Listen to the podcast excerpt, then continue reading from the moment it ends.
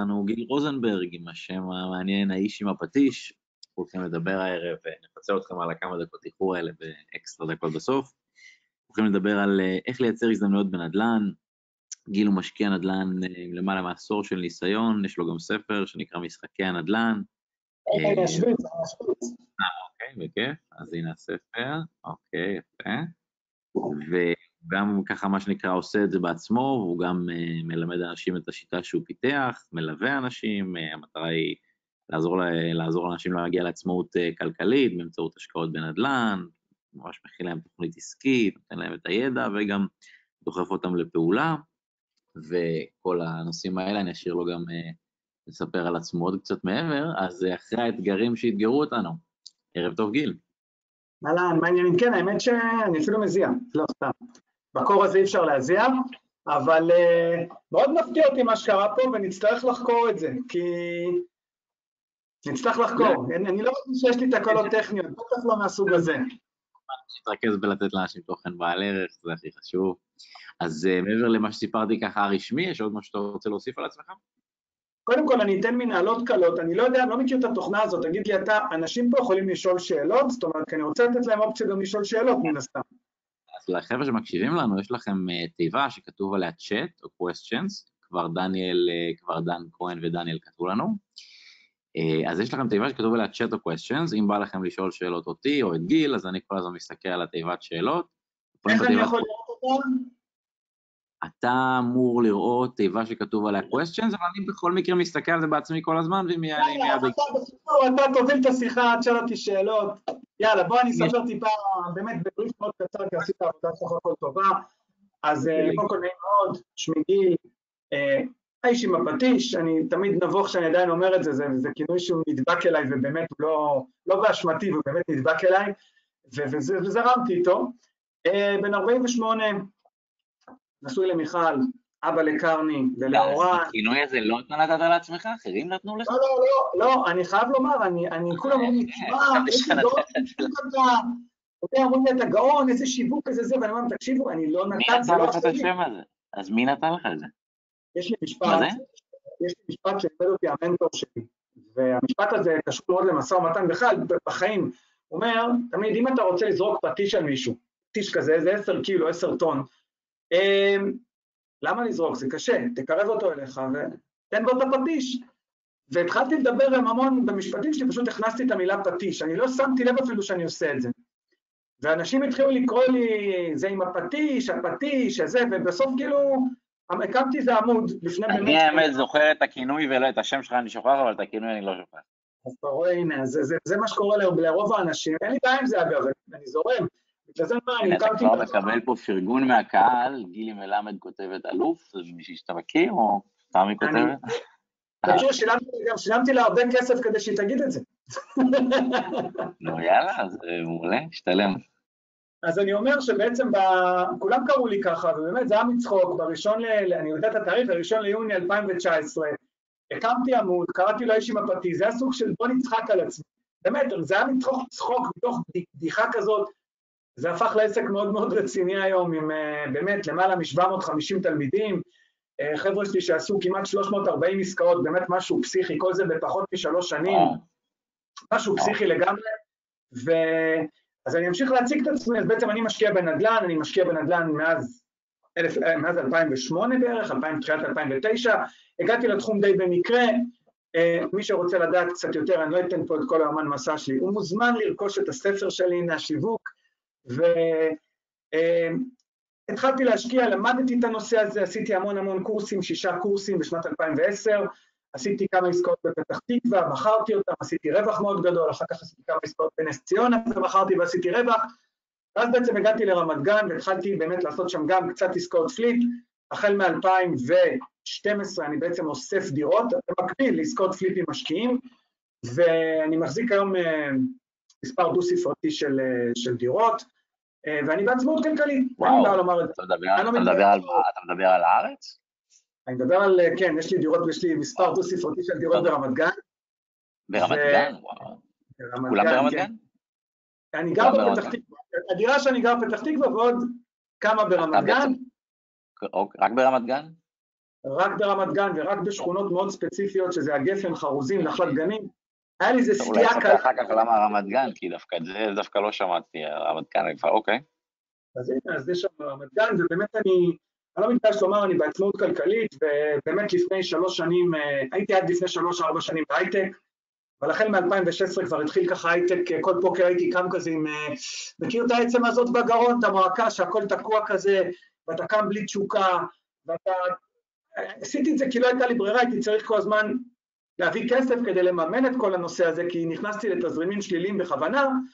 אה, אם מישהו ישאל, אני ארחיב על זה בהמשך, זה היה באמת בכוונה, ואני הבנתי שבעצם מ-2017 בערך, יש לי כבר, אני על אפס, 2019 פשוט הבנתי שאני בתזרים חיובי מאוד גבוה מהנכסים שלי, ואני לא צריך יותר הייטק, הסכמתי ועזבתי הכל, וכמובן אנשים שכבר חושבים שאני מפגר 12 שנה, אז הם עוד פעם חשבו שאני מפגר, לא קרה שום דבר, מפגר, מטומטם, דביל, זה בערך מה שקראו לי, וחיפשתי מה לעשות עם עצמי, זאת אומרת, יש לי המון זמן פנוי, ואני בעצמאות כלכלית, ואני מרוויח טוב, והכל בסדר, אני לא אומר את זה בשביל להתנסה או משהו, אני אומר את זה כזאת הייתה המציאות,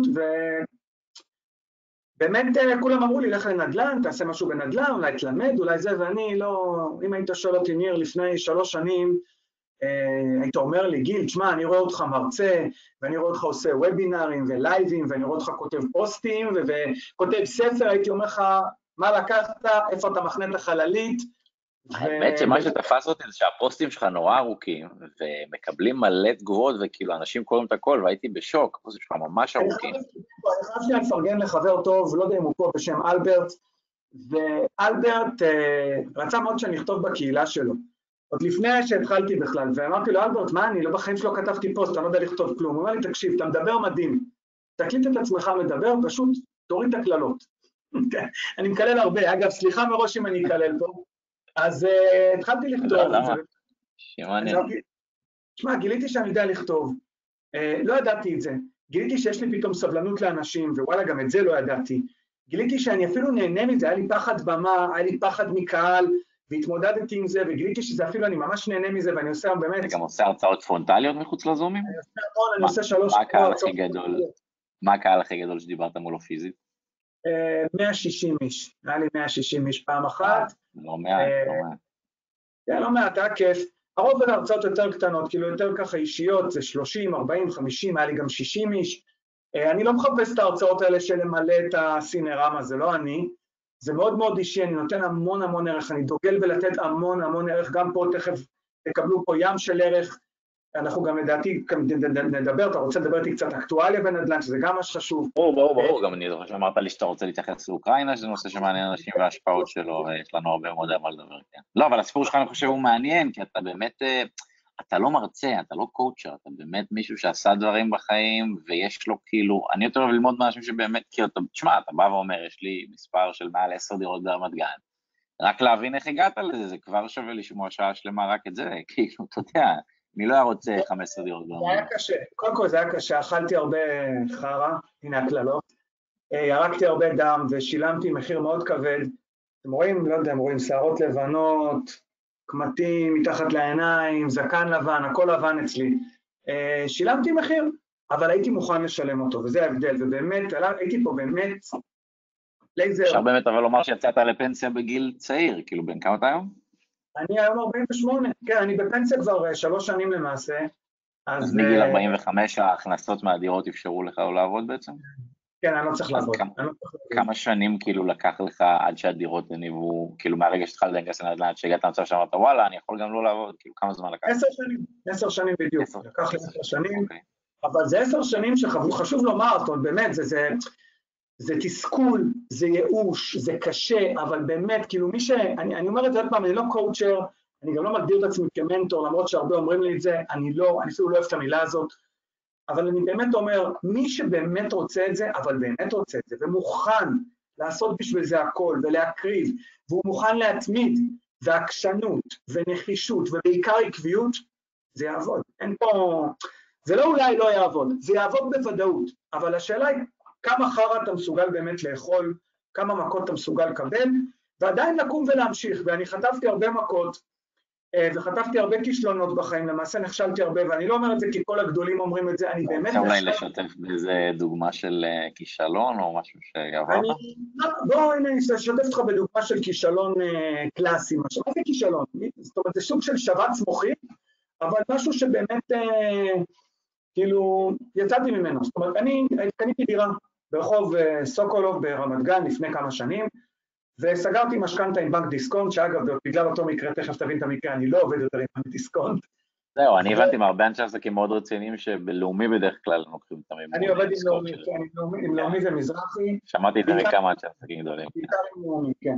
אז מה שקרה זה שסגרתי משכנתה בבנק דיסקונט, מאוד מיהרתי, זאת הייתה עסקה מהירה, אני רצתי על כמה עסקאות במקביל, וזה פשוט ישבתי בבורסה, היה שם בנק דיסקונט, הלכתי פשוט באמת, לא אכפת לי הריביות והכל, הייתה לי, אמורה להיות עסקה מאוד מהירה, אמ, ושבועיים, משהו לא, שבוע לפני שאני אמור לקבל את הכסף, מתקשרת אליה פקידה. התחילה לשאול אותי שאלות מוזרות. התחילה לשאול אותי כמה אני מרוויח, כל מיני דברים כאילו, זה, זה משהו שלא הבנתי את השאלות שלה. ואני אומר, תגידי, מה הסיפור? מה, את שואלת אותי שאלות כאילו, את לא מאשרת לי משכנתה. היא אומרת לי, כן, אנחנו לא יכולים לאשר לך משכנתה, אין לך הכנסות. מה, מה זה אין לי הכנסות? אני מרוויח, הכל אצלכם. בקיצור, היא אמרה לי, תשמע, אתה לא מקבל משכנתה, ובעוד שבוע אני צריך לתת צ'ק, שאני גם אגיד לך בדיוק כמה, של 637 וחצי. 637 500 אלף שקל, ואין לי מושג מה אני עושה, ובאותו רגע זה שתי דקות שאתם צריכים, אנשים לא מבינים את זה, זה זרמים. יש אנשים שמתעלפים, מקבלים דום לב, מתים, אצלי זה שתי דקות זרמים, ומה שאני עושה בנקודה הזאת, קודם כל אני מתקשר לאשתי, כי באמת, אין בן אדם יותר מפרגן ממנה ויותר מרגיע, למרות שאני יכול מאוד להלחיץ אותה, היא תמיד, הקול שלה, הטון דיבור שלה, כאילו הכל סבבה, כאילו לא קרה כלום. ובדיוק, ודיברתי איתה, והיא אומרת לי, גיל, זוכר, פגשתי איזה בחור אשתי מהצוות פנים, והיא עשתה איזה משהו לאלף דורי, וכשהייתה במשרדי מכירות של אלף דורי, היא פגשה איזה בחור בשם דודי. אם הוא שומע אותנו, דודי שם טוב, בחור יקר לליבי, ודודי בא והציג את עצמו כמישהו שהוא בכיר מאוד בבנק מזרחי וכל מה שקשור למשכנתאות, הוא אמר לה, תקשיבי, בעלך מתעסק בכל מיני דברים, אז אין בעיה, כאילו, בנדל"ן, שבוא שיקח איתנו, אני בכלל לא עבד, עד, אז בכלל לא עבדתי עם בנק מזרחי. והזכירה לי את השם הזה, הבאתי מהר את הטלפון, שלחה לי מהר את הטלפון, התקשרתי, אמרתי לה, דודי, זה אני, הצגתי את עצמי, אמרתי לו, דודי, תציל אותי. סיפרתי את הסיפור, תציל אותי. ותוך עשר דקות הוא חזר אליי, וקיבלתי מימון שאפילו יותר גבוה בבנק מזרחי, אז אישרו לי 70 אחוז, הוא הביא לי 75 אחוז, הוא נתן לי את זה אה, עם אה, גרייס לעשר שנים. שתבינו, זה משהו שהוא לא הגיוני. הוא לא הגיוני, גרייס לעשר שנים, זאת אומרת, הדירה בכלל הפכה מאקזיט לאן, בוא נשמור אותה בכלל, אין לי מה לעשות עליה אקזיט.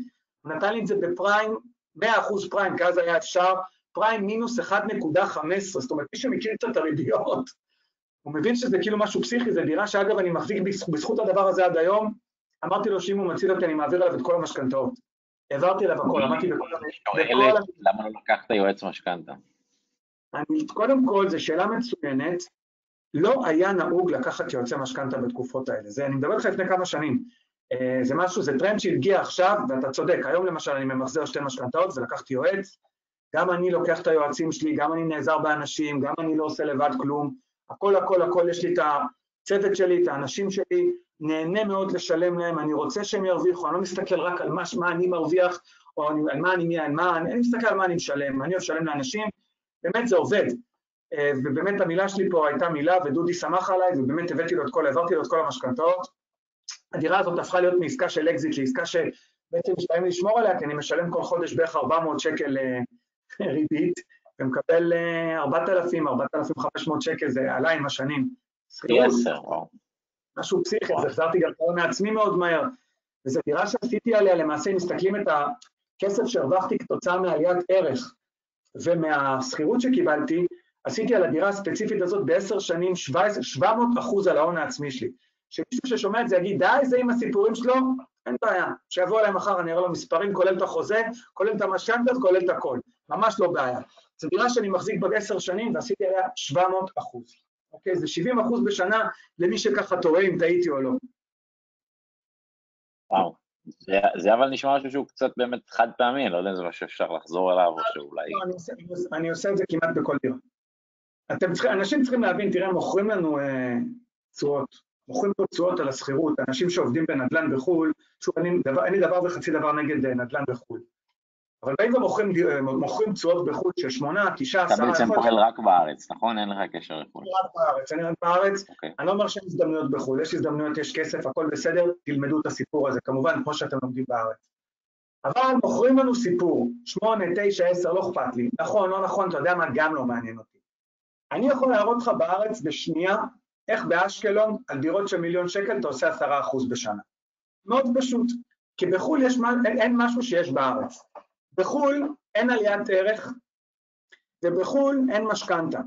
ופה מה שקורה שגם יש לך עליית ערך של דירה, בממוצע עליית ערך היא 3.3 אמרת שאתה מחזיק דירות ברמת גן, אבל פליפים אתה עושה גם מחוץ לרמת גן? לא, לא, אני עושה הכל ברמת גן. אה, רק אוקיי, רמת- גן ורק רחובות מאוד ספציפיים. אז אני אומר, אני רוצה לחזור על הסיפור הזה של, אשקלון.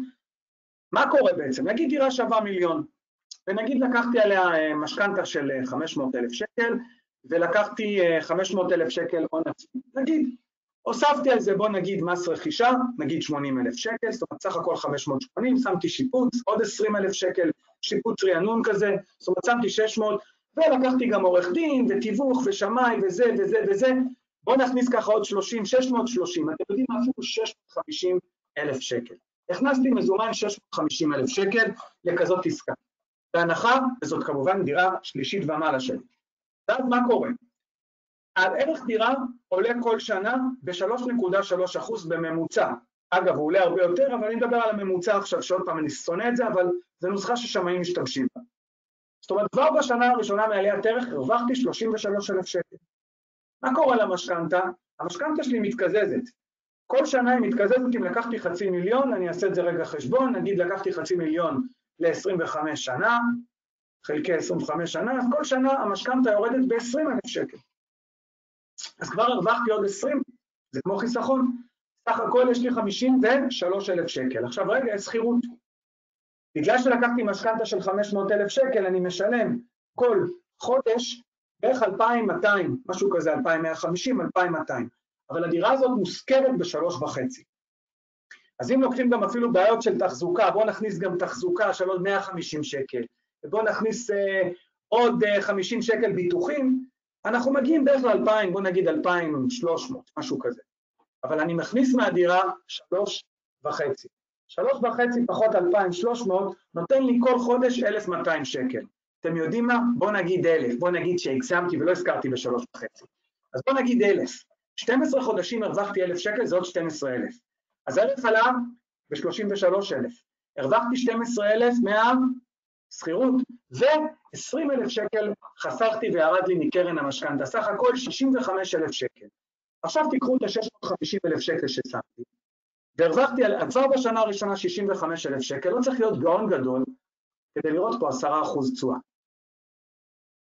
הנה לכם, לא בחו"ל, פה בארץ, באשקלון, בדירות אפילו במחיר שוק. לא מדבר על לקנות מתחת למחיר שוק, לא מדבר עכשיו אקזיטים, לא מדבר כלום. לא מדבר על השבחות אפילו, דירה רגילה. אני יכול להוכיח לך את זה כמעט בכל עסקה שאני עושה.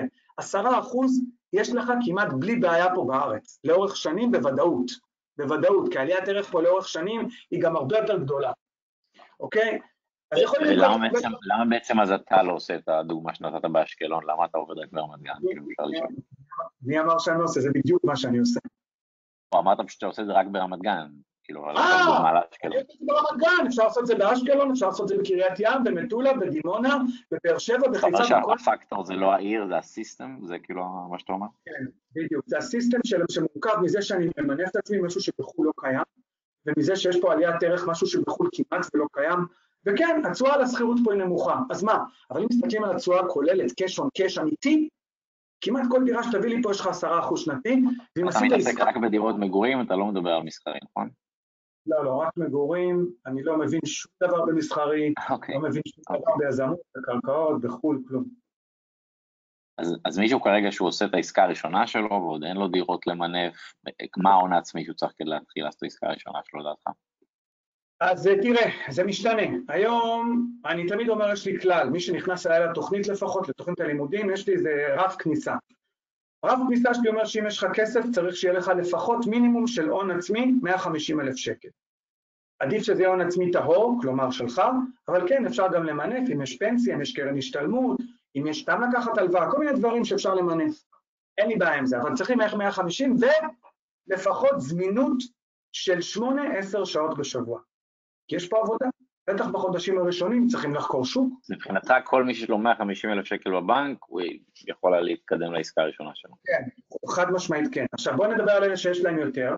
ככל שיש לך יותר, אז אתה יכול לעשות עסקאות באזורים יותר טובים, אולי אפילו באזורים קרובים לבית שלך, אז אתה צריך פחות זמן. מה קורה אם אין לך? מה זה אין לך? גם יש לך 100 אלף שקל, זה מבחינתי אין לך. קח את ה-100 אלף שקל האלה, תעשה איתם מה שאתה רוצה, שים אותם בשוק ההון, אבל אתה צריך לעבוד עם כסף שהוא לא שלך. לעבוד עם כסף שהוא לא שלי, זה אומר לעבוד עם משקיעים, לעשות ליווי משקיעים, זאת אומרת לעשות סוג של תיווך בעסקאות.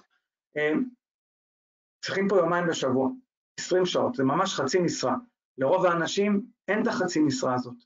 ואז רוב האנשים שאין להם הון עצמי, באמת הרבה יותר קשה להם להיכנס, רף הכניסה שלהם הוא גבוה, אה, אלא אם כן הם מחליטים אה, להתאבד על זה, להקריב את המחיר, לשלם את המחיר ולעשות את ההקרבה. רגע, אז, אז בואו נלך שלב שלב. יש בחור נחמד, לא יודע, בן, לא יודע, 28, 35, 32, 38, לא יודע, יש לו 150 אלף שקל או 200 שקל בבנק, מה הצעד הבא שהוא עושה? הצעד הבא שהוא עושה, תמיד אומר, בוא תלמד את המקצוע. כי אם אתה לא תלמד, אתה תעשה עסקה גרועה, מה לעשות? אז בוא תלמד, מה זה תלמד? אתה יכול לבוא אליי, אתה יכול ללכת לקורס, העיקר תלמד את התחום.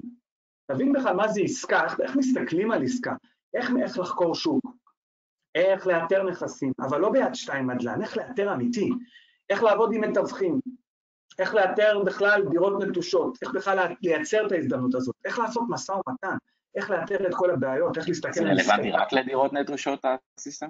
לא, לא, לא, זה רלוונטי לכל הדירות בארץ, איך לאתר, זה נסחי טאבו וזה תיק בניין וזה תיק בית משותף, איך להסתכל על זה, מה לחפש שם, כל דבר זה הזדמנות. אז בוא לא נגיד שהוא שנה שלמה גם למד את כל זה, מה הצעד לא, הפרקטי הבא? זה לא שנה, זה לא שנה, חודשיים, שלושה הוא צריך ללמוד את זה. אוקיי. עשינו, אז יש לו 200 בבנק, שלושה חודשים למד, שלב שלוש, מה עכשיו הוא עושה? יש לך עכשיו, ואתה צריך לכתוב תוכנית עסקית מן הסתם, מה אתה הולך לעשות, מה התקציב שלך, צריכים להתייחס, לראות קודם כל אם יש לך הכנסות, כי אם אין לך הכנסות אתה לא יכול לקבל משכנתה מן הסתם, צריך לראות, להיות לך רצף תעסוקתי. אז בוא נלך כאילו שלב שלב, מה ההכנסה החודשית שהוא צריך כדי להתקדם?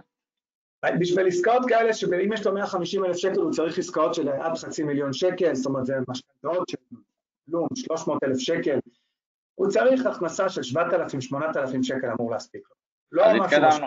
שלב ראשון, 150 בבנק, שלב 2 למד, שלב 3, משכורת של 10,000, מה שלב 4?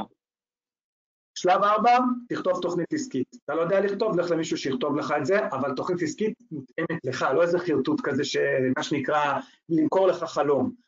תוכנית עסקית אמיתית, ריאלית, תוכנית אה, ישימה, שאתה יכול ליישם, אתה יודע, יש פה מצב, תוכנית שמרנית, אל תתחילו להתפזר עכשיו ולייפות מספרים, תהיו קשוחים עם עצמכם.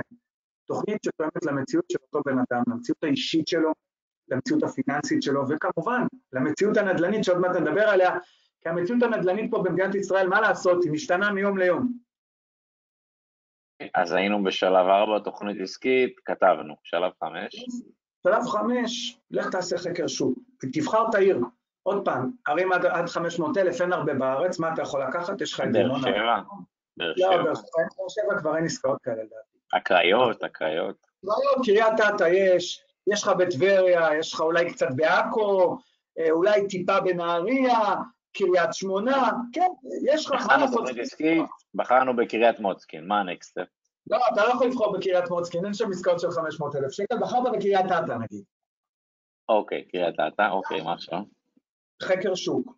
אתה צריך לנסוע לקריית אתא, להבין בדיוק מה קורה בעיר הזאת, מה ההיסטוריה שלה, מה קורה עכשיו, מה צופן העתיד, צריכים ללכת לעירייה, להסתכל בתב"ע, תוכניות שהופקדו, תוכניות שאושרו, לדבר שם עם אנשים במחלקת הנדסה, לבדוק מה קורה בעיר מבחינת תעסוקה, מבחינת הגירה, מבחינת תחבורה, מבחינת התפתחות, התחדשות, יש תמ"א, פינוי-בינוי, בנייה חדשה, מה מתוכנן להיות בעיר, יכול להיות שלא מתוכנן כלום, ואז מה יקרה? אתה, אתה לא תהנה פה מעליית ערך מטורפת. בכל זאת, אתה בפריפריה. אז בוא תגיד לנו מה, מה, מה צריך להיות כדי שיהיה לנו צפי לעליית ערך, מה, מה אתה מבין? התפתחות, אתה רוצה להסתכל התפתחות. בוא נתחיל מתחבורה, כבישים חדשים שמקשרים לעיר, משהו שיקצר, סתם, הכביש שפתחו בין, אה, לא זוכר את המספר שלו, בין אופקים לבאר שבע, יעלה מאוד את הערך באופקים. הרבה אנשים מבאר שבע בעיקר הצעירים עוברים לאופקים. כי מבחינתם עכשיו להגיע לבאר שבע למקום עבודה שלהם או לאוניברסיטה זה רבע שעה, זה לא היה פעם ככה. אגב, המצלמה שלך נחבטה, איך שאתה רוצה, אנחנו עדיין שומעים אותך, אנחנו פשוט לא רואים אותך כרגע, אז שיקולך אם אתה רוצה לפתוח אותה עוד פעם או לא, בכל מקרה שומעים אותך. הנה, לא עכשיו רואים אותך. הנה, עכשיו רואים אותך, כן, עכשיו זה חזק. כן, איפה היינו? אה, היינו ב... אני בדקתי אם פשוט יש טעינה, אולי זה זה. היינו ב...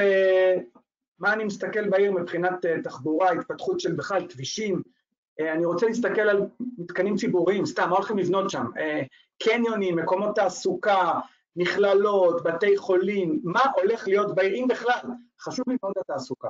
אוקיי, אז, אז, אז בואו נגיד שהבנו שיש פוטנציאל, מה אחרי זה עושים? אם הבנו שיש פוטנציאל, בחרנו את העיר, חקרנו אותה ברמת המקרו, עכשיו צריך להיכנס פנימה, לבחור מיקרו שוק, קובייה קטנה בתוך העיר. קובייה שמונה שמונה, עשרה רחובות, משהו כזה בתור התחלה, לא, לא סתם אמרתי לך, אני ברמת גן בשכונות מסוימות ברחובות מסוימים. כל הדירות שלי באותם רחובות. זה לא סתם, אני רוצה להכיר את הרחובות האלה, ממש לקחת ריבוע כזה של 300 בתי אב, בנייה רוויה, בנייה זהה כמובן. אני רוצה... מה שאנחנו קוראים לו בתיווך להבין באזור התמחות שלך. נכון, אני רוצה להכיר את האנשים ברמת הבושם. אמיתי, אם לקחת את זה כאילו לשם, ככה. אני רוצה לדעת הכל. לדעת שלספר קוראים דני, ולירקן קוראים יוסי, ו... אגב, אותו ספר, אם אני אשב אצל הספר הזה, אני אדאג לשבת אצלו הרבה שעות, ואני אגלה מי מתגרש, ומי בחובות, ומי בבעיה, ואיפה יש דירות... לא חיכה לנו לפעול איפה שאנחנו גרים, במקום ללכת לעיר אחרת, כי אתה משוהם והלכת לרמת גן, אבל מי שמשוהם לא יכול להיות בשוהם. כן, אבל אם אין לך כסף לקנות, אז איך תעשה? אתה צריך להיות, התקציב שלך מכתיב אותך. קודם כל זה תקציב, אין מה לעשות, יש פה מציאות, צריכים להתייחס אליה. אתה לא, אני רוצה, אני מת לקנות בדיזינגוף. לא כל אחד יכול לקנות בדיזינגוף, הרוב לא. מה לעשות? הבנתי, אז נגיד בן אדם, אוקיי, אז בוא נתקדם הלאה, כאילו אני מחפש את הדבר הפרקטי, מה, מה הוא עושה תכלס, תכלס, תכלס, מה, פעולות, פעולות. מה? אז אמרתי, פעולות קודם כל, לך לעירייה.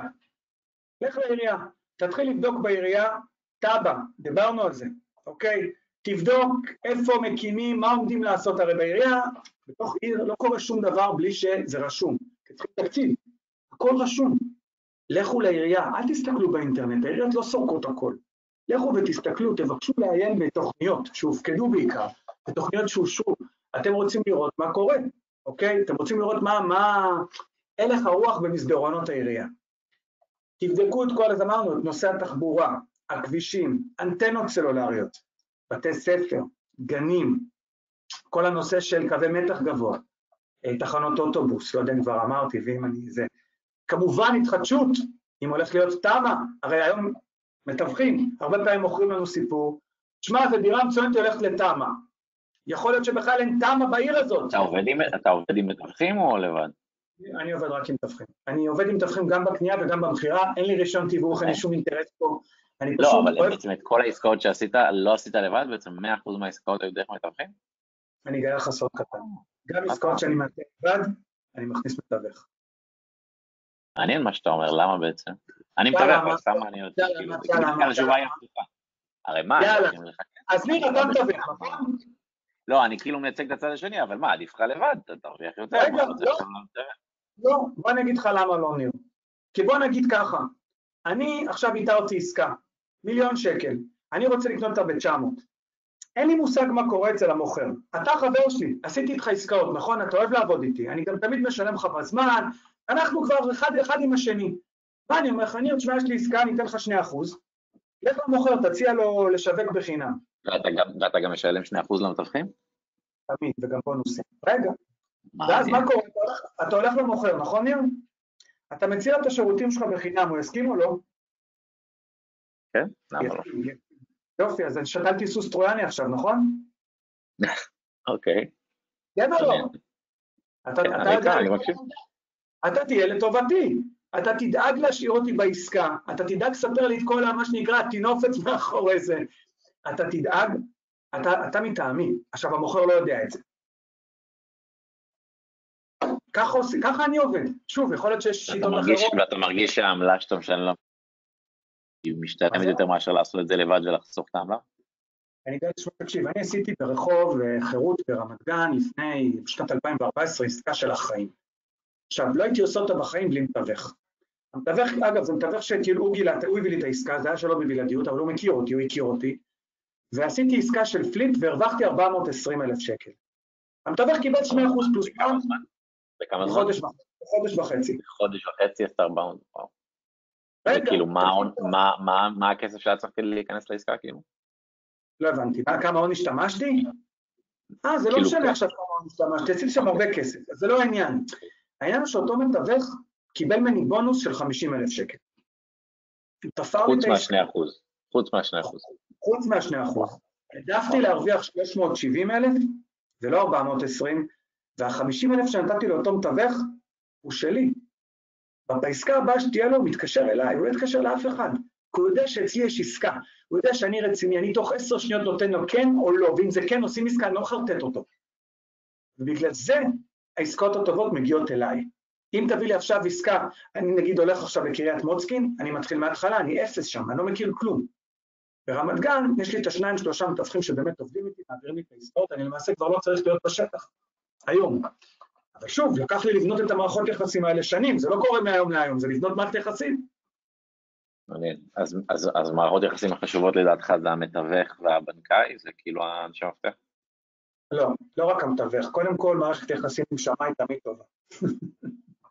אה, עורך דין. אמרנו שמאי, מתווך, עורך דין. שמאי, עורך דין, מתווך כמובן, מעצב פנים, במקרה הזה החברה הכי טובה שלי זאת אשתי, היא מעצבת פנים. שיפוצניק, תמיד יותר טוב שיש לך שיפוצניק שלך, צוות שאתה בא איתו, אין מה לעשות, ואתה יודע מה?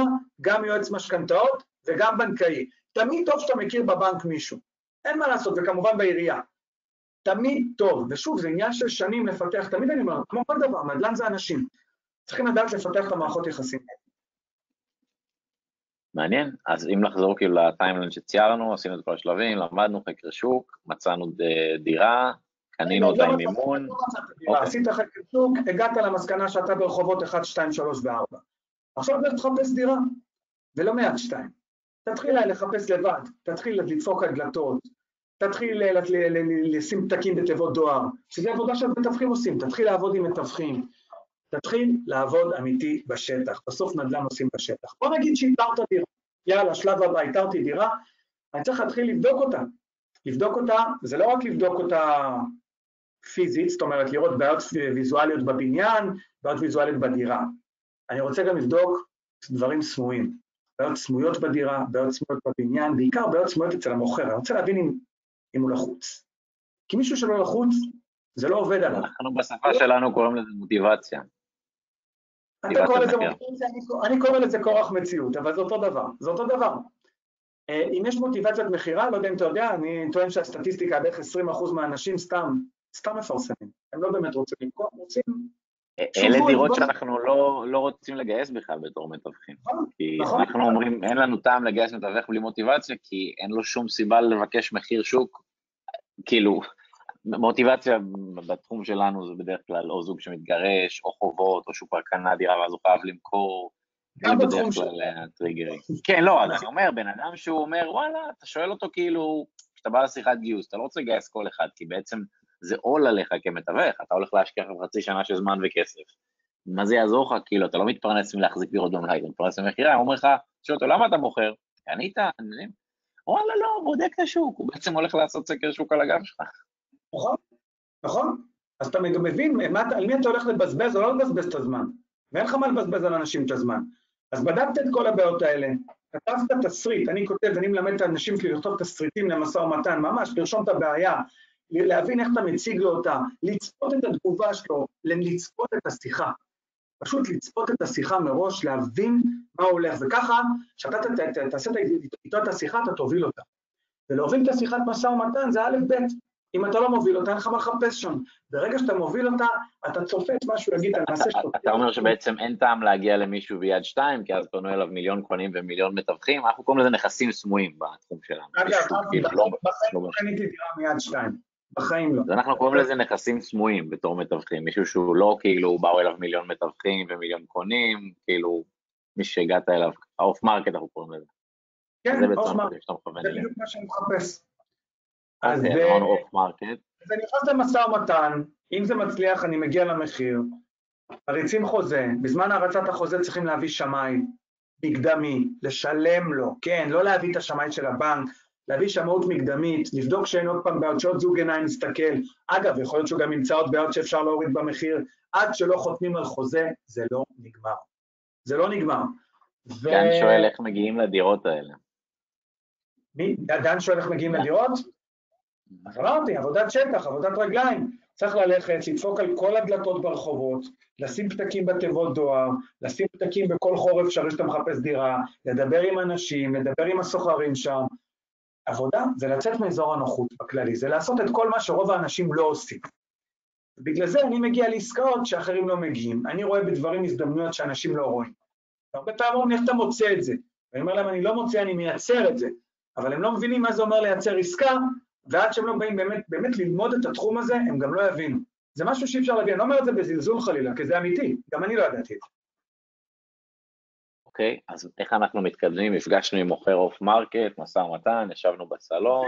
עשינו, ישבנו בסלון, בוא נגיד שזה צלח, מתקדמים לעסקה, מתחילים להריץ חוזה בין עורכי דין, מביאים שמאות פרטית, מביאים שיפוצניק, כל מה שצריך שייתן הצעות מחיר, אנחנו לא נכנסים לעסקה בלי שאנחנו יודעים על השקל את כל העלויות, שלא יהיו לנו הפתעות, שלא יהיו לנו בלת"מים, אנחנו נצטרך להביא מעצב פנים, מביא מעצב פנים, שיכתוב את התסריט, שיכתוב כתב כמויות, אם צריך להביא גגן, שיבדוק את הגג, אם אנחנו קומה אחרונה או קומת קרקע, מביאים גגן, לא להתקמצן על כלום. מה לעשות, זאת עבודה. אתם רוצים כסף, צריכים לעבוד. אין כסף קל, אין מה לעשות, ואני אומר את זה כל הזמן, אין כסף קל, יש פה עבודה. עשיתם את זה, הסיכוי שתפסידו בנדל"ן הוא אפסי. למעשה, וזה משפט שאני תמיד אומר, ואנשים מתקוממים שאני אומר אותו, אז אני אגיד אותו עוד פעם ושיתקוממו כולם. צריכים כישרון בשביל להפסיד בעסקת נדל"ן, אם אתם יודעים מה אתם עושים. אם אתם לא יודעים מה אתם עושים, אז צריך כישרון בשביל להצליח בעסקה. זה הפוך. אמן. אוקיי, אז ישבנו איתו בסלון, ניהלנו משא ומתן על מחיר שנראה לנו טוב, מה עכשיו? זהו, אמרתי, די, נגמר, סגרנו, בוא נגיד שסגרנו. קובעים פגישת, פגישה אצל עורכי דין, מי שזה זה לא יהיה, ויאללה, ביי, נגמרה העסקה. נגמרה העסקה, אבל עכשיו יש לנו את השיפוץ, את הפליפ, את המכירה, עוד לא סיימנו. אבל אם היינו חכמים, אנחנו תכננו את הכל קודם, מביאים את השיפוצניק, זה רץ מהר, בדרך כלל עושים שיפוצים קטנים, רענון כזה, לא צריכים פה לשבור ולהפוך. אלא אם כן באמת מתכננים להפוך דירות שני חדרים לשלושה, או לעשות כל מיני שינויים פנימיים. רוב הדירות, גם אני אגב, רוב הדירות עשיתי שיפוצים של עד 20 אלף שקל, לא צריכים לעשות פה בלאגן, שיפצתי, צריך להכניס סוחר, מפרסמים את הדירה, יש המון דרכים לפרסם היום דירות להשכרה, יש קבוצות בפייסבוק, יש אתרים יש מתווכים, לא חסר, אוקיי? מפרסמים אותם, מוצאים את הסוחר, בודקים אותו כמו שצריך, עושים איתו את החוזה כמו שצריך, עם ערבים, עם אה, צילום תעודות זהות, עם צ'קים, עם כל מה שצריך, וזהו, לילה טוב, next, לנכס הבא. רגע, אתה מדבר כרגע על דירה שאנחנו שומרים אצלנו עם סוחר. או עושים אקזיט, אין לי בעיה, אבל גם אתה עושה אקזיט, אולי שווה לך להכניס סוחר ולמכור אותה למישהו עם תשואה. אגב, זה טוב בעיקר... אז בואו נחדד את הנקודה הזו. קניתי את הדירה, עכשיו יש לי שתי אפשרויות. או למכור אותה, או להכניס סוחר ולמכור אותה, או להכניס סוחר ולשמור אותה. אלה שלושת האפשרויות שלי, נכון? כן. אז איך אני בוחר מבין השלוש מה לעשות? זוכר שאמרתי כותבים תוכנית עסקית בהתחלה? אוקיי, אז בואו אולי תן לנו שתי מילים על כל אחת מהאפשרויות האלה, כרגע שנבין מה עושים. בתוכנית העסקית חשוב להבין מה המטרה. בסוף, מה קורה בסוף? הכל הרי מתחיל בסוף. מה המטרה שלו? אוקיי. אם אני רוצה פליפ, אז מה אני עושה? שנייה, ברגע שאני יודע מה המטרה שלי, אז אני יודע שמה זה עסקה טובה. עסקה שהיא טובה זה עסקה שמקדמת אותי למטרה.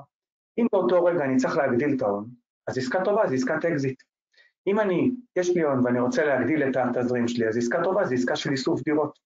אם זו דירה ראשונה שלי ואני רוצה להחזיק בה כדי להימנע ממיסוי כרגע ולהעלות את ההון העצמי, אני אחזיק בה 18 חודשים ואמכור אותה. ואז הכל קורה בהתאם. השיפוץ הוא בהתאם, המימון הוא בהתאם, המשא ומתן הוא בהתאם, הכל בהתאם, הכל פתאום ברור, יש דרך. זה תוכנית עסקית. בלי זה אין מה להתחיל, כי אחרת אתה מתפזר, כל אחד עושה מה שהוא רוצה. איך אתה יודע שעסקה טובה, איך אתה יודע שהיא לא טובה? עסקה שטובה לי לא תהיה טובה גם לך, כי המטרות שלי הן שונות משלך, זה מאוד אישי. קודם כל זו באמת נקודה חשובה מה שאתה אומר, אז אולי תמיד יכול לתת בשני משפטים על כל אחד מהכיוונים האלה. אנחנו בנקודה הזו עשינו דירה, ובעצם יש לנו אחת משלוש מטרות, יש לנו או להכניס סוחר ולשמור, או להכניס סוחר ולמכור, או למכור בלי סוחר. אז בואו נדבר על כל אחד משלושת ההצטרפויות האלה בדרך. בואו נתחיל מהאופציה הכי קלה, עסקת אקזיט. עסקת אקזיט, המטרה שלי לאתר בעיות, אני לא מחפש נכסים, אני מחפש בעיות. נכס שנראה טוב, אין לי מה לחפש שם. בעיות כבדות, אני מדבר על בעיות אה, בנסחי טאבו, בעיות רישום, גירושים, אה, חובות, אה, מלא מלא בעיות בתיק בעניין, חריגות בנייה, יש מיליון ואחד דברים. ברגע שאני מאתר. אתה בעד דירות עם חריגות בנייה? אתה... אני קונה בטח, מה, אני מחולה על זה, אני מתקן את זה כמובן. אבל זה בדיוק העניין, אני בעצם מוצא בעיות, אני קונה את הנכס כמה שיותר עמוק מתחת למחיר שוק, זה לא פשוט, זה אפילו קשה. ואני פותר את הבעיות. עכשיו, בפתרון בעיות יש לי שני סוגים של פתרון, יש לי פתרון פיזי, כלומר שיפוץ, ויש לי פתרון משפטי. אני יכול לעשות גם השלכות משפטיות, אני יכול להצמיד דברים לדירה, אני יכול להוציא היתרים על דברים שהיה לי זכויות, אפשר לעשות המון המון דברים. שוב, בירוקרטיה, לא קל, זה נשמע כזה, אני אומר, אפשר, אפשר, זה קשה, אבל צריך לדעת מה עושים, וזו הסיבה שלומדים את זה. ואז אני מוכר את הדירה. זאת אומרת, קניתי מתחת למחיר שוק, השבחתי, פתרתי את הבעיות ואני מוכר במחיר שוק. אין כזה דבר לקנות בזול ולמכור ביוקר. כמה, לא כמה מתחת למחיר שוק בסכום או באחוזים אנחנו צריכים כדי שיהיה לנו עניין בעסקה? כי 20 אלף נגיד זה לא מעניין, נכון? לא, למה לא? למה לא? אם, אם, אם, אם קבעת שעכשיו בשביל להגיע למטרה אתה צריך לייצר 100 אלף שקל בשנה. אז למה לנסות לחפש עסקה של 100 אלף? בוא תעשה שלוש עסקאות של 33 והגעת לזה, נכון? הרבה יותר פשוט. לא יודע אם כל כן. אחד יכול למצוא שלוש עסקאות בשנה. בגלל זה עוד פעם, אני חוזר ואומר, ללמוד את המקצוע. מישהו שלא באמת לא למד, לא יעשה, הוא לא יצליח. הוא לא יצליח לעשות את הראשונה אפילו. זה לא יעבוד לו. יש פה שיטה. כמה, זמן לקח לך לעשות את העסקה הראשונה מהרגע שהתחלת? אני את העסקה הראשונה, זה קרה לי במקרה, אבל מרגע שהתמקצעתי, אה, די מהר, מאוד, כמה חודשים עשיתי כבר את העסקה, עשיתי כמה עסקאות, עשיתי הרבה פליפים ברמת גן, עד שהרואה חשבון שלי עצר אותי ואמר לי, תירגע, למה מס הכנסה עוד שנייה באים אליך? אז נרגעתי, אבל אה, לא, בסוף לא באו, הכל היה בסדר, אבל... אה, הכל בסדר, מה, כאילו, הכל טוב. מה? יבואו, כאילו בסדר, לגיטימי, מה... לא, לא, לא רוצה אותם, שלא יבואו. אז בעצם, אז בעצם התחלת מעסקאות פליפ כדי ליצור הון, זה היה השלב הראשוני שהיית בו?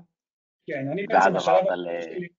אני בשלב הראשון בתוכנית העסקית, אני רציתי להגיע לגיל 50, הייתי בן 35, רציתי להגיע לגיל 50 עם 50 אלף שקל נטו.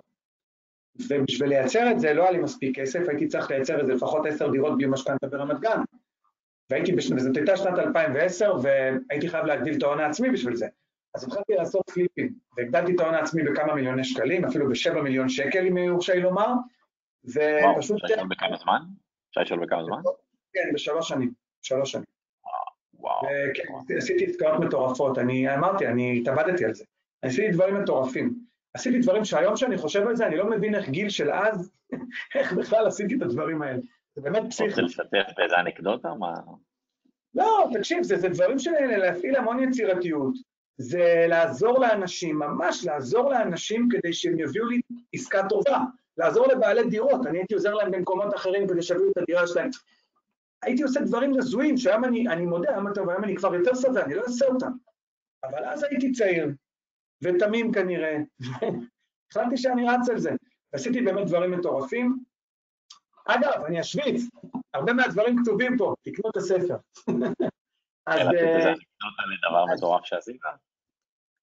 דבר מטורף, יש לי את הסיפור, באמת, אחי, אני לא הבנתי עד כמה הוא מטורף, עד שהתחלתי לכתוב את הפוסטים.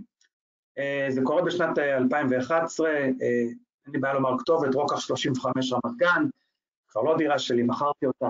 ויש שם עסקה אה, של גברת זקנה, בת 83, אה, והיא הייתה לה דירה שבורה, באמת שבורה לחלוטין. אה, היא הציעה, הציע מיליון שקל על הדירה, היא רצתה למכור במיליון שקל, ואני מאוד רציתי לקנות אותה ב-780, וקודם כל הדירה הייתה גמורה, אז השוק דאג להוריד אותה ל-850, ואני ידעתי שאני אהפוך את הדירה הזאת לשלושה חדרים ואני אמכור אותה אז במיליון 250. זאת אומרת, ידעתי מה אני הולך כבר לעשות, כי כשאני נכנס לעסקה אני יודע איך אני יוצא ממנה. אני יודע בדיוק כמה אני מרוויח ביום של החוזה, כל השאר בונוס. כי ידעת בכמה תמכור אותה? אני מכיר את מחירי השוק, אני ידעתי כמה עולה דירת שלושה. מחיר השוק, אוקיי. זה חקר שוק. ונכנסתי איתה למשא ומתן, ווואלה, לא הצלחתי להוריד שקל. זאת אומרת, כאילו, יריתי עליה הכל, כל הטריקים, כל מה שלימדו אותי, כלום. הבחורה, הבחורה, הגברת בטון, בטון.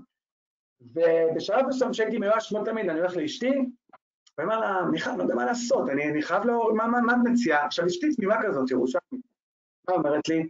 אולי תשאל אותה. תשאל אותה למה היא לא מורידה לך במחיר. אז אה, זה היה נראה לי הזוי, אבל מה יש לי להפסיד? ונפגשתי איתה ואמרתי לה, תשמעי, אני יודע שאת רוצה למכור, אני רוצה לקנות, ורק אני פה, זאת אומרת, אין פה עוד מישהו שרוצה לקנות, אין הסתערות על הדירה. מה הסיפור? למה את לא מורידה? ואז היא אמרה לי משהו מטורף, היא אומרת לי, תשמע, אני רוצה לקנות חדר, או לקחת פיקדון, ולקחת פיקדון לחדר, בבית אבות פה ליד, בביאליק, יש שם בית אבות. הם רוצים 850 אלף שקל, ואין לי, זה הכסף שלי. אני לא יכולה להוריד יותר. באותו רגע מה אמרתי לה? כנסי לאוטו, בואי ניסע לשם, נעשה איתה משא ומתן. מה שאני מוריד שם, את מורידה לי פה? אמרתי לי, כן. היא גם לא סתם, הצבע חזר לחיים, אתה מהר ראתה אותי, אני המושיע שלה. אני מציל אותה עכשיו, נכון? לא היה אף אחד שיעזור היא לבד. והלכתי איתם, וכמה חודשים קודם נכנסנו, סבא שלי נכנס גם לבית אבות, או גם פיקדון, ברמת אביב, יש שם ליד גימנסיה הרצליה, זה בית אבות, לא יודע אם עוד קיים, ושם שילמנו 750, זאת אומרת, ההורים שלי. וזכרתי את זה, לא יודע למה זכרתי את זה, זה היה כמה חודשים קודם, לא הייתי אמור לזכור את זה, ובאתי אליהם והתחלתי את המשא ומתן וסיפרתי להם על הבית אבות ההוא, ואמרתי להם, תראו, לי אין בעיה, היא תהיה שם, היא יכולה להיות פה, היא מעדיפה להיות פה עם חברות שלה, והיא בכלל לא מבינה מה אני אומר, היא רק יושבת שם מחייכת, היא לא מבינה בכלל מה קורה בסיטואציה הזאת, והורדתי אותם, הורדתי אותם ב-750, והיא רצתה לתת את הדירה ב-750, ואמרתי לה, לא, 780, זה היה המחיר שלי מההתחלה, והשארתי לה גם 30 אלף שקל עודף למה שנקרא למרק עוף. וכן, זה סיפור שאני לא הבנתי אז, אני לא הבנתי אותו אז, לא היה לי שום דבר שמתקרב לזה בכלל. רגע, אז בכמה הורדתם את הבית אבות? בכמה, בכמה הורדתם? את הבית אבות הורדתי מ-850 ל-750, את הדירה קניתי ב-780 והשארתי לה 30 אלף שקל, מתנה ממני. וואו, וואו. ואני לא הבנתי אבל אני לא הבנתי מה אני עושה. זאת אומרת, אני הייתי כל כך בתוך העשייה שכאילו סיימתי, אמרתי, אוקיי, נקסט, לעסקה הבאה, אני לא עצרתי רגע בכלל להבין מה קרה, ולפני שלוש שנים שישבתי ככה, והסתכלתי על כל המסמכים והתחלתי לכתוב פוסטים ולראות את העסקאות שלי ולהבין מה קרה, פשוט הבנתי איזה דבר גדול היה שם, אה, שום דבר מזה אגב לא, לא חזר על עצמו, זאת אומרת לא היה לי שום סיפור שאפילו מתקרב לסיפור הזה, זה באמת סיפור מדהים, וכן, הוא שלי. עכשיו באמת שאני חושב על זה, זה גם טיפ למתווכים, כי אף אחד לא חושב על זה או לא עושה את זה, כי גם הרי מתווך, שאל לו את הדירה הזו בלעדיות, הוא רוצה שתהיה לו את העסקה בשביל הקומישן שלו, הוא גם היה יכול להגיד לה, את יודעת מה, אולי אני אעזור לך במשא ומתן מול הבית אבות, ואז נוכל לעזור פה קצת לקונה, ויהיה לנו עסקה, זה אותו דבר. זה לא רק זה, זה בכלל לעזור לאנשים.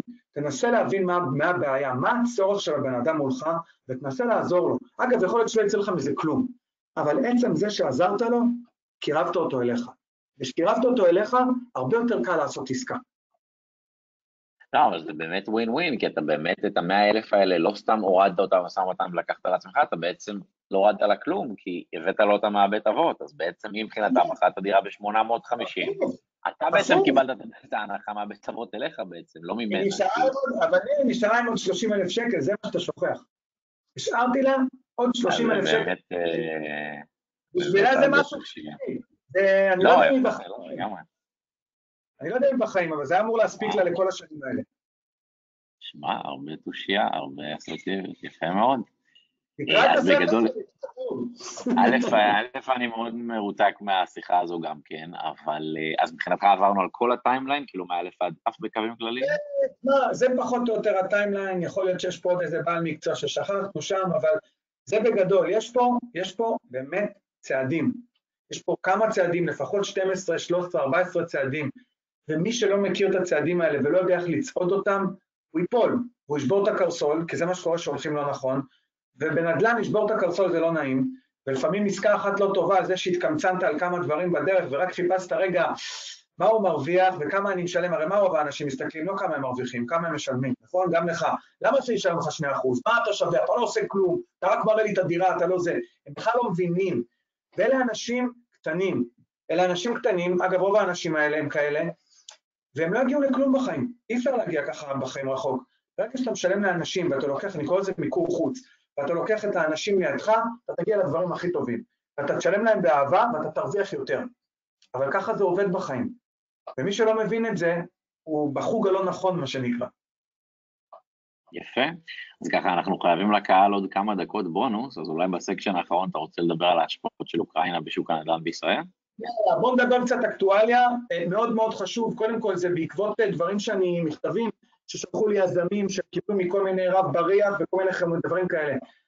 יש פה, אה, היום פרסמו את מדד תשומות הבנייה, הוא עלה חצי אחוז אם אני לא טועה, וזאת רק ההתחלה, מחירי הדיור עלו ב-13% ב-2021, ואני אומר, זאת רק ההתחלה.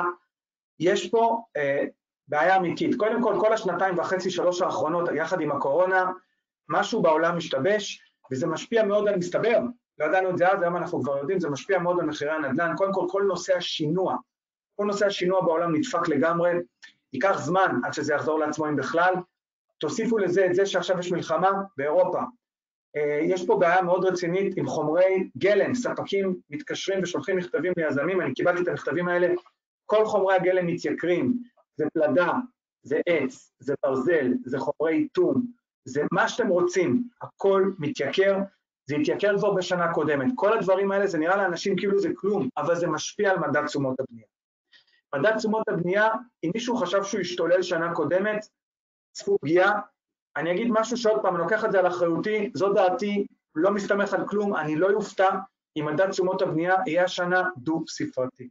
אני לא יופתע בזה, משהו, זה מספר שאני אפילו לא מאמין שיוצא לי מהפה, הוא נשמע לי לא הגיוני. אה, יש גם, תכף נגיע לעליית הריבית. אז זה קודם כל, מדד תשומות הבנייה מתייקר, מחירי הדירות מתייקרים. כל אחוז שמדד תשומות הבנייה עולה, זה אחוז שעולה הדיור. זה דבר אחד. דבר שני, מה שהמלחמה הזאת תגרום, היא תגרום לעלייה, מדברים פה על 100 אלף איש, אני לא יודע, היא תגרום פה לעלייה, עלייה לארץ. צריכים דירות בכל הארץ. אה, דן שואל אם מדד תשומות הבנייה הוא טוב למשקיעים. אם קנית דירה כן, אם לא אז לא. הוא ממש לא טוב למשקיעים. אם לא קניתם דירה, ואם קניתם דירה מקבלן והכסף אצל הקבלן, לכו תשלמו לקבלן. כי אתם הולכים לשלם הרבה יותר, וזה משהו שאי אפשר לקחת עליו משכנתה. אז אם אין לכם הון עצמי, אתם יכולים להגיע פה לפתאום 50, 100, 150 אלף שקל תשלום, שאם אין לכם אותו אתם תהיו בבעיה, אוקיי?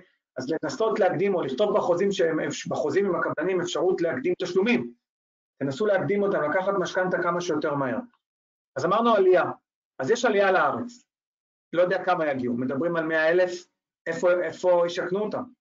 אין פה בכלל התחלות בנייה, התחלות הבנייה יורדות, זה הולך ויורד, יש פה בערך 50 אלף אין פה התחלות בנייה. עזבו שהביקוש הקשיח פה הוא 70 אלף, זאת אומרת אנחנו במחסור של 20 אלף כל שנה מצטבר. מה עוד יהיה פה? כל פעם שיש פאניקה, ואפשר לשפוט את זה על פי ההיסטוריה, כל יהודי אירופה, מה הם עושים? פלן בי. מה זה פלן בי? מתחילים לקנות פה דירות. הם לא עוברים לדירות האלה, הם פשוט קונים. קודם כל בואו נקנה למקרה שאם יקרה משהו, ישר יאללה, טיסה או אונייה או לא משנה מה, או שחייה, מגיעים לישראל, יש לנו מה איפה להיות. הם התחילו לקנות דירות, במיוחד העשירים, כי הם יודעים שיקר פה. הם יקנו דירות ולא רק בפריפריה. אז הם יקנו דירות, ויש עלייה, ויש חומרי גלם, וכל הדבר הזה ביחד מביא עם כל הביקושים הקשיחים של 70 אלף. אה, דיברנו על התחלות בנייה, יש איזה מסמך אה, שפורסם לפני, לא זוכר, שנתיים בערך, של משרד ראש הממשלה. הם טוענים, ואגב, זה לא רק הם טוענים, כולם טוענים שמדינת ישראל ב-2040 תמנה בין 15 ל-17 מיליון איש. איפה הם יגורו? בשביל לספק את צורכי הדיור שלהם, ככה הם אומרים במסמך, לא אני, צריכים להיבנות פה מיליון וחצי דירות. איך ייבנו פה מיליון וחצי דירות אם יש 50 אלף התחלות בנייה בשנה? מי יבנה אותם? 50 אלף דירות זה לא רק דירות, סליחה, מיליון וחצי דירות זה לא רק דירות, זה מים שזה שכונות, זה 1,800 שכונות בערך. שכונה זה כבישים, זה גנים, זה בתי ספר, זה גני שעשועים, זה מרכזים מסחריים. מי יבנה את כל הדבר הזה ב... לא יודע, מה נשאר פה? 18, 18 וחצי שנים. אני לא רואה את זה קורה.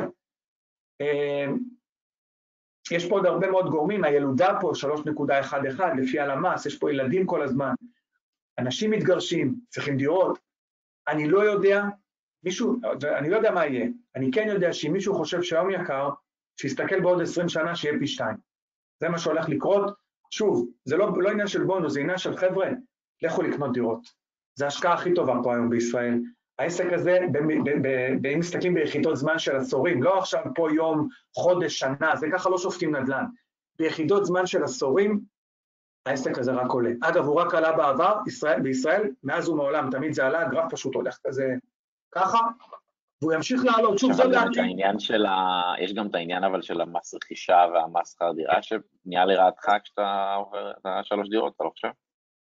קודם כל זה לא קשור שלוש דירות, מס הכנסה, יש לך אה, אופציות, אתה בוחר איזה אופציה אתה רוצה, אם אתה עובר את ה-5,196 אתה משלם מס, אתה יכול גם להחליט שמראש יהיה לך הרבה דירות ואתה תשלם מהשקל הראשון 10%, שזה מה שאני עושה, הכל בסדר, המיסים פה זה, זה חלק לא, מהמשחק. יש לך דירה ראשונה, דירה ראשונה יש לך עד מיליון שמונה מאות בערך, בלי מס רכישה בכלל. אתה מדבר על מס רכישה, אין בעיה, משלמים מס רכישה, גם אני משלם, מה הבעיה? מה הבעיה? הרי אתה עובד, נכון? מחשיב את זה בעלות של העסקה. אני, אני, יש לי שאלה, אתה עובד, אתה מרוויח, נכון? אתה משלם מיסים, נכון? אז עזוב, אז למה, אל תעבוד, עזוב, שב בבית. למה לשלם מס? לא, אתה יודע, יש פשוט עסקאות שלפעמים אולי השולי רווח נמוכים מדי והמיסוי כאילו הופך אותם ללא כלכליות. אז אל תעשה את העסקה הזאת. יש עסקה, אז יש, לא צריכים לעשות כל עסקה, אנחנו בוחנים כל עסקה ועושים את זה באחריות. זה בדיוק מה שאני מלמד ומה שבכלל מלמדים. לעשות את הדברים באחריות, לא צריכים לקפוץ על כל עסקה. צריכים לבדוק טוב טוב את הכדאיות עסקה הזאת, לראות בדיוק מה ההוצאות שלנו ולראות אם שווה לנו לקנות אותה, כמה זמן נחזיק בה. יש לכל עסקה מטרה. ברגע שאני מבין את זה, לא תהיה בעיה. מה אתה חושב על הסוגיה של עליות הריבית? תחת, היא תעלה. קודם כל הריבית תעלה, זה ברור לגמרי. אה, להגיד לך שזה מה שיגמור את השוק, התשובה היא לא.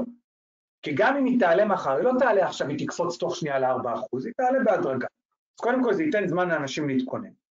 דבר שני, זה שהריבית תעלה, זה לא שעכשיו ההחזר החודשי יכפיל את עצמו. מה יהיה פה? אנשים ישלמו עוד 200 שקל, עוד 300 שקל.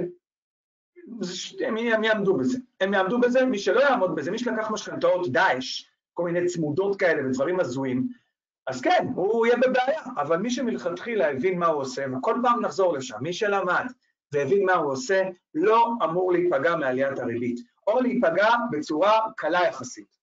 לא משהו שיגרום לו עכשיו לזרוק את הדירות לרחובות ולשפוך את הדם שלו, זה לא יקרה. אני לא רואה סרט כזה אפילו.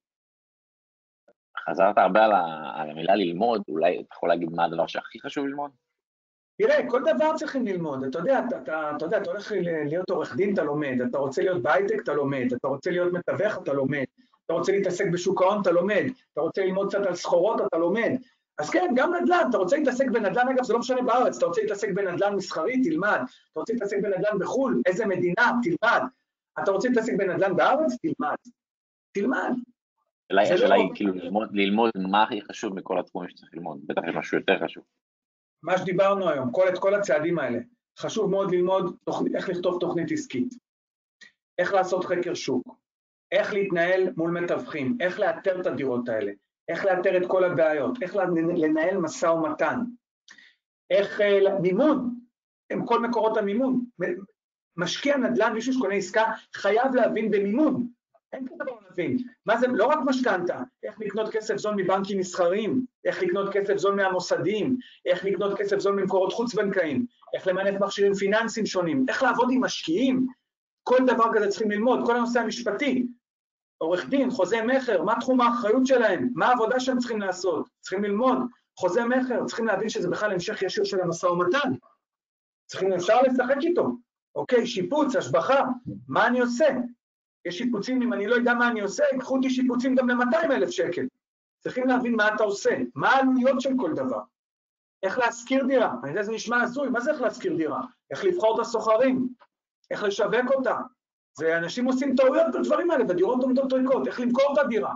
גם פה צריכים להכין דירה אם זה להשכרה, צריכים להכין אותה למכירה, לא רק את הדירה, אולי גם את הבניין. צריכים לשווק אותה, לדעת איך לשווק אותה, ולדעת איך למכור אותה. אנשים לא יודעים איך למכור דירות. בגלל זה הם מתעכבים חצי שנה בזמן מדף. אני מוכר דירה ביומיים, או בשבוע גג, ומכרתי מספיק דירות בחיים שלי, צריך לדעת איך עושים את הדברים. מי שלא ידע איך עושים... לא, זה בדיוק מה שלא עושים. אבל אה, אוקיי. איך שמי שידע לעשות את הדברים, זה פשוט יבוא לו בקלות. באמת, זה יבוא לו יותר בקלות, יהיה לו גם הרבה יותר ביטחון ואומץ בעסקאות שלו, הרי בסוף זה מנטלי, זה הכל פה. וברגע שמנטלית אתה מוכן ויהיה לך את האומץ, אתה תיגש את העסקה. זה הסיפור. וגם אולי נקודה מעניינת, אתה אומר שלא דרך יד שתיים, אז מה, איך אתה מציע למכור דירה? לא דרך יד שתיים. קודם כל דרך מתווכים, אין לי בעיה עם זה, כן? אבל גם בתנאים מסוימים, אני לא צריך שיפרסמו את הדירה, דירה מוכרים בדיסקרטיות, בשקט. יש לך מתווך, יש לך רשימה של אנשים, צריך להציע את הדירה הזאת במחיר שוק, אפילו קצת פחות, צריכים שהדירה תהיה פיקס, חדשה, מודרנית, מותאמת לצורכי שוק. יש פה שיטה שצריכים ללמוד. אני רואה אנשים מנסים למכור דירות, זה דירות פח אשפה, עכשיו, אני, ברור שאני אקנה אותן, כי אף אחד לא יקנה אותן. כשאני מוכר דירה, היא נמכרת בכלום זמן, והיא נמכרת מהר ובמחיר מלא. אני לא מנסה להיות עכשיו גרידי, לדרוש. ואתה משווק במחיר שוק? כאילו, המטרה שלך כשאתה מוכר היא למכור מהר, לא לנסות למשוך עוד איזה 50 או 70 אלף למעלה? כאילו, הזמן יותר חשוב מהכסף? מהר. ניר, כשאני מחליט למכור, יש סיבה. יש סיבה.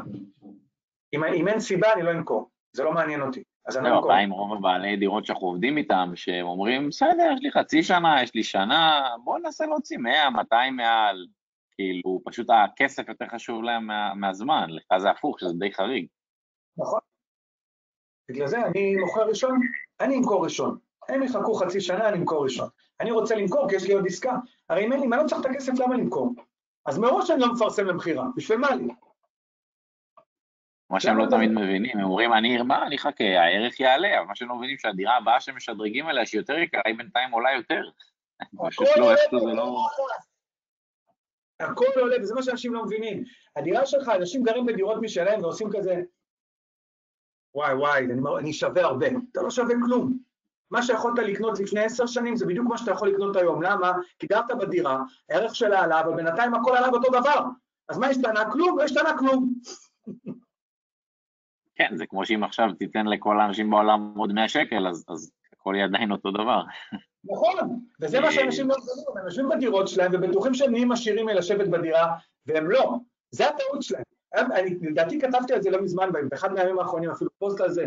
קיבלתי תגובות, אתה יודע, לפה ולפה, אני אוהב את התגובות, אין לי בעיה, אני מכבד כל תגובה. אבל אתה רואה תגובות שהן באמת מעידות על חוסר הבנה. לא- אתה לא מוחק תגובות שליליות? לא הפוך, אני אוהב אותן, מה אכפת לי? אני כבר מזמן אה, הבנתי שלא כולם יאהבו אותי, הכל בסדר. שלי דווקא אתה נראה מאוד נחמד, אבל באמת כנראה נושאים של כסף נושאים רגישים, ומוציאים אנשים כל מיני סוגי תגובות. ו... קודם כל, קודם כל אני בחור נחמד, מי שמכיר אותי במציאות, ויש הרבה מאוד אנשים שמכירים, אפילו הייתה איזה מישהי, איזה מישהי תלמידה, אני זוכר שהיא סיימה איתי את הפגישה הראשונה ואומרת לי, שמע, זה בכלל לא מה שאתה מצטער בפייסבוק, אתה בחור נחמד. עכשיו, אני באמת בחור נחמד, אבל uh, אתה יודע, בסוף יש עסקים, וכשאני מנהל משא ומתן מול מוכר, כן, אני קשוח, וכן, שם את המוסר בצד, וכן, שם את האגו שלי בצד, ואת הרגשות, ואת המצפון, ואת הכל. זה הכלים שלי, כי בסוף זה ביזנס. וכמו שהוא יכול, אם הוא הייתה לו הזדמנות לשחוט אותי, הוא היה עושה את זה. וכל המתייפייפים שבאים ואומר, אתה לא מוסרי, שהם מחר ירצו לקנות רכב או כל דבר אחר, הרי הם יעשו הכל כדי להוריד אותו במחיר. אז למה להתייפייף? נכון, אני רואה פה שאלה מדן, יש אזורים יותר טובים? כי הצגת את כל האזורים שווים אותו דבר.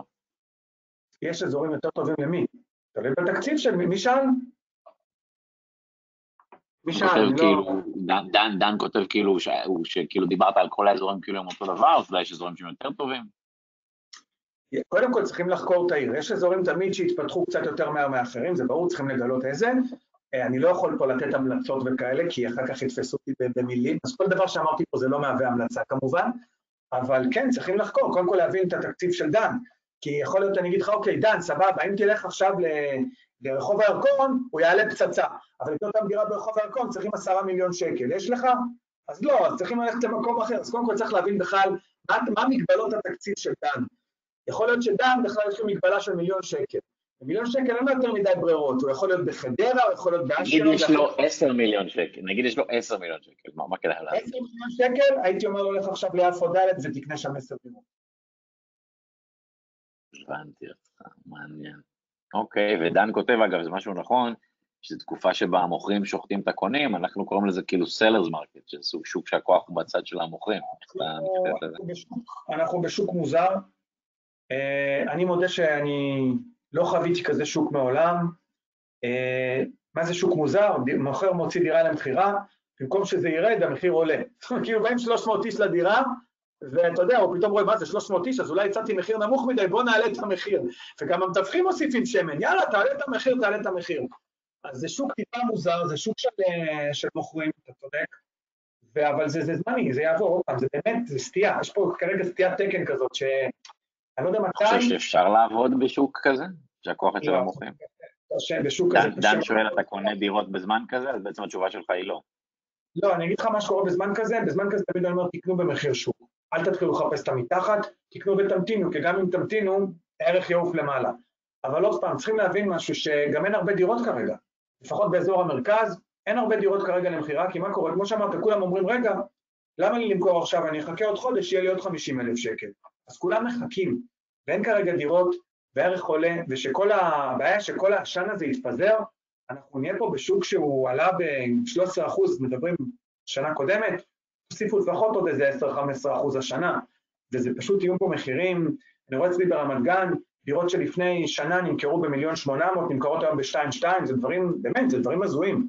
מחירים עלו ברמת גן לדירה בממוצע ב-400-500 אלף שקל, דברים הזויים גם ביפו ד', לפני שנתיים דירות נמכרו במיליון 400, מיליון 300, היום זה כבר מיליון 800, מיליון 900, דברים הזויים, זאת אומרת, זה באמת, זה עלייה שגם אני אומר, היא לא הגיונית.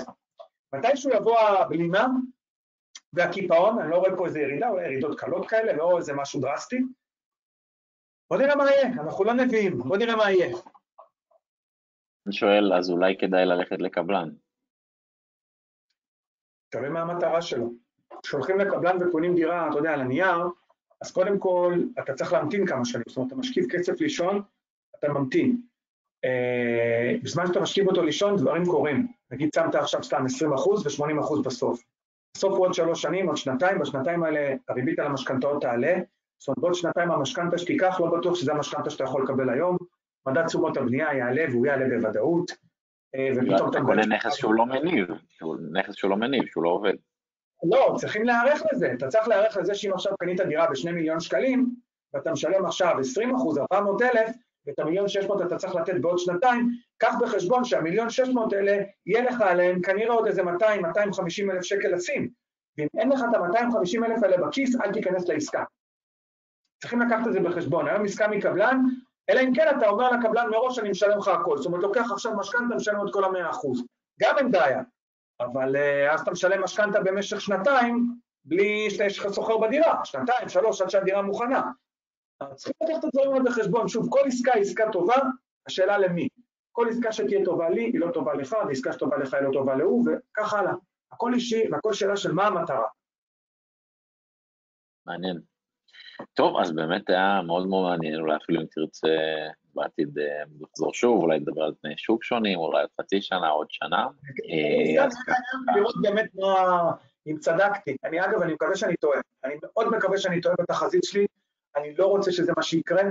אני, יהיה מעניין לראות בשנה הקרובה אם צדקתי ומדד תשומות הבנייה באמת ישתולל ומחירי הדירות ימשיכו להשתולל. אני עוד פעם טוען שכן, אבל אני מקווה מאוד שלא, כי מה שקורה פה באמת, הוא די עצוב, די עצוב. אתה חושב אבל שמי שהולך על הסיסטם שלך, כאילו של מציאת הזדמנויות, זה בעצם יקשה עליו לפעול בסיסטם הזה? השוק של היום יותר קשה להם, אבל עדיין עושים עסקאות. יש לי תלמידים שעשו עכשיו עסקאות, אני יכול להגיד לך אה, עסקה ממש מלפני יומיים, אה, בקריית ים, אה, דירות ששוות 820 היום, אפילו יותר, עשו שם עסקה ב-740, 730, משהו כזה, אני לא זוכר בדיוק את המחיר, אבל זה בערך המחיר. עכשיו, מלפני יומיים, זאת אומרת, יש עדיין דברים כאלה, אבל אה, צריכים לעבוד קשה, צריכים לעבוד קשה בשביל הדבר הזה, אין מה לעשות, לא פשוט. מה שנקרא, יותר קשה למצוא מציאות היום. כן, יותר קשה, יותר מאתגר, בוא נקרא לזה יותר מאתגר. Hmm, הבנתי אותך, מעניין.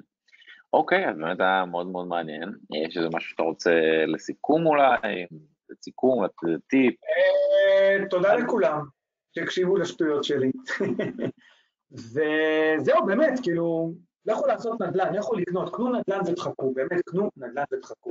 אל תתחילו לשאול שאלות, אל תתחילו להציף את הראש בכל ההשפעה הזאת עוד פעם. לכו לקנות, כי המחיר של היום זה לא המחיר של מחר, הוא יהיה יותר גבוה.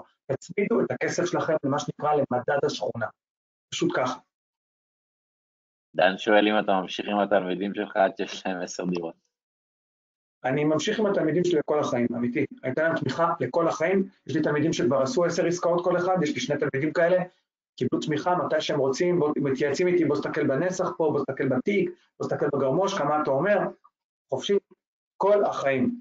בגלל זה הם באים אליי. יש לי כבר, אגב, מעל 750 לדעתי, לא ספרתי, זה כבר נושק ל-800. באמת, זה מטורף. טוב, האמת, אה, אולי גם אפשר, אה, מי שרוצה ללמוד ממך, או משהו כזה, אז איך אתה מציע יש קורס או... מי שרוצה ללמוד ממני מוזמן ליצור קשר דרך הפייסבוק, במסנג'ר, אפשר ב-SMS, לא להתקשר, אני לא עונה לטלפונים כמעט שאתה לא מכיר, אבל אם הוא ישלח וואטסאפ, 050-970, 1-970, זה הטלפון שלי, שלח וואטסאפ, אני מתאם איתו שיחה, אני מספר לו על התוכנית, אני רוצה בכלל לבדוק שזה מתאים לו, לבדוק צרכים, אז לא כל אחד מתאים לתוכנית הזאת, וזהו, אם, זה, אם הוא מתאים, אני אומר לו שהוא מתאים כמובן, ומשם זה כבר החלטה שלו כמובן, אם הוא רוצה או לא, וזהו, ככה זה עובד, מאוד פשוט, אני לא סתם זורק סילבוסים ותוכניות, זה הכל דרך טלפון, חשוב לי מאוד שאנשים יבינו אם הם נכנסים, למה הם נכנסים, זה לא פשוט. מעניין, היה באמת אה, מאוד מעניין הערב. אה, טוב, ממש תודה לך על הזמן שלך, אני אפילו אשמח אולי עוד שנה אם תרצה, שנעשה עוד וובינר, נראה אולי איך הדברים השתנו בשוק, כי זה באמת אה, צריך להיות עם יד על הדופק. יש לך את הטלפון שלי חופשי, נקווה כן. שפעם הבאה לא יהיו בעיות, אני אבוא מראש עם שלט כזה, סליחה תקלה. לא, אבל אני באמת, אני באמת חושב שלהקלטה ביוטיוב באמת יהיו המון צפיות, כי דיברת באמת על המון נושאים שבאמת מעסיקים את כולם, אני בטוח שכל פעם שאתה... יש לך אתר אינטרנט או רק פייסבוק אגב? לא, יש לי פייסבוק ויש לי ערוץ יוטיוב ואינסטגרם בקטנה, אין לי, אני לא, דוג... אני לא עושה שיווק. אני לא שילמתי לאף אחד. אם היית עושה שיווק לדעתי, כאילו היו עוצרים אותך בכל בית קפה ושווארמה שאתה אוכל, ושואלים אותך, אני רוצה לקנות דרעי, כי אם היית מפורסם, כאילו, הנושאים האלה היו, לא היית הולך ברחוב, כי זה משהו מעניין את כולם, ו... קיבלת את התשובה למה אני לא עושה שיווק. כן, לא, אבל אני אומר, אם היית עושה את זה לגמרי שהוא ויראלי, וכאילו, אני בטוח שההקלטה ביוטיוב שאני אקדם אותה תקבל המון צפיות וכן הלאה. יאללה, קדם אותי, קדם אותי, הכל טוב. אני לא חושב שיעצרו אותי ברחוב, אני לא איזה סלב, לא צריך להגזים, אבל אה, כן, מתקשר, כל יום יש לי פניות, שואלים אותי, מנסים להתייעץ איתי, אני מנסה לעשות שאני יכול לעזור, אני עוזר, הזמינות שלי מוגבלת, אבל הכל בסדר. טוב, אז זה היה מרתק. תודה רבה לך על הזמן שלך. תודה רבה לכל מי שהקשיב לנו. תודה רבה לכל מי שהקשיב. שיהיה ערב טוב, בהצלחה לכולם, ונתראה בפרק הבא. ביי בינתיים. יאללה ביי.